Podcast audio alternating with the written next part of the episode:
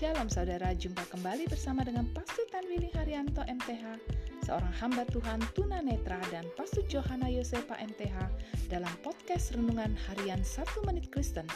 Di dalam podcast ini, kami membagikan kebenaran dari Alkitab yang dimulai dari kitab kejadian sampai kitab wahyu. Selamat menikmati.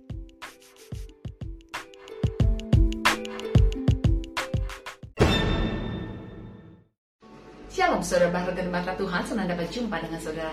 Hari ini firman Allah menasihati kita untuk bersekutu dengan Allah setiap hari. Lalu Harun mempersembahkan kurban sajian.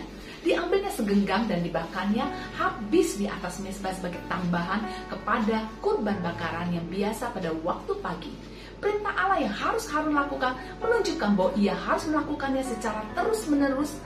Saudaraku, ingatlah ibadah-ibadah kita yang biasa yang kita jalankan pagi dan malam sendirian atau bersama keluarga tidak boleh dihilangkan dengan alasan apa pun sekalipun ada pekerjaan-pekerjaan luar biasa yang harus dilaksanakan kalau ada yang ditambahkan seperti ibadah kelompok sel hendaklah ibadah-ibadah ini tidak boleh dikurangi firman Allah mengatakan hendaklah kita tetap berkumpul bersama-sama dan janganlah lalai seperti orang lain.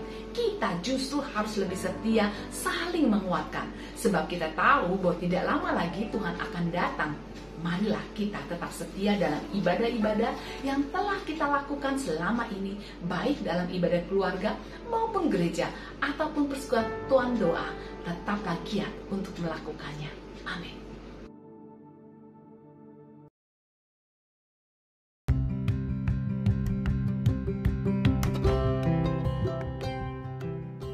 Terima kasih saudara telah mengikuti podcast Renungan Harian 1 Menit Kristen.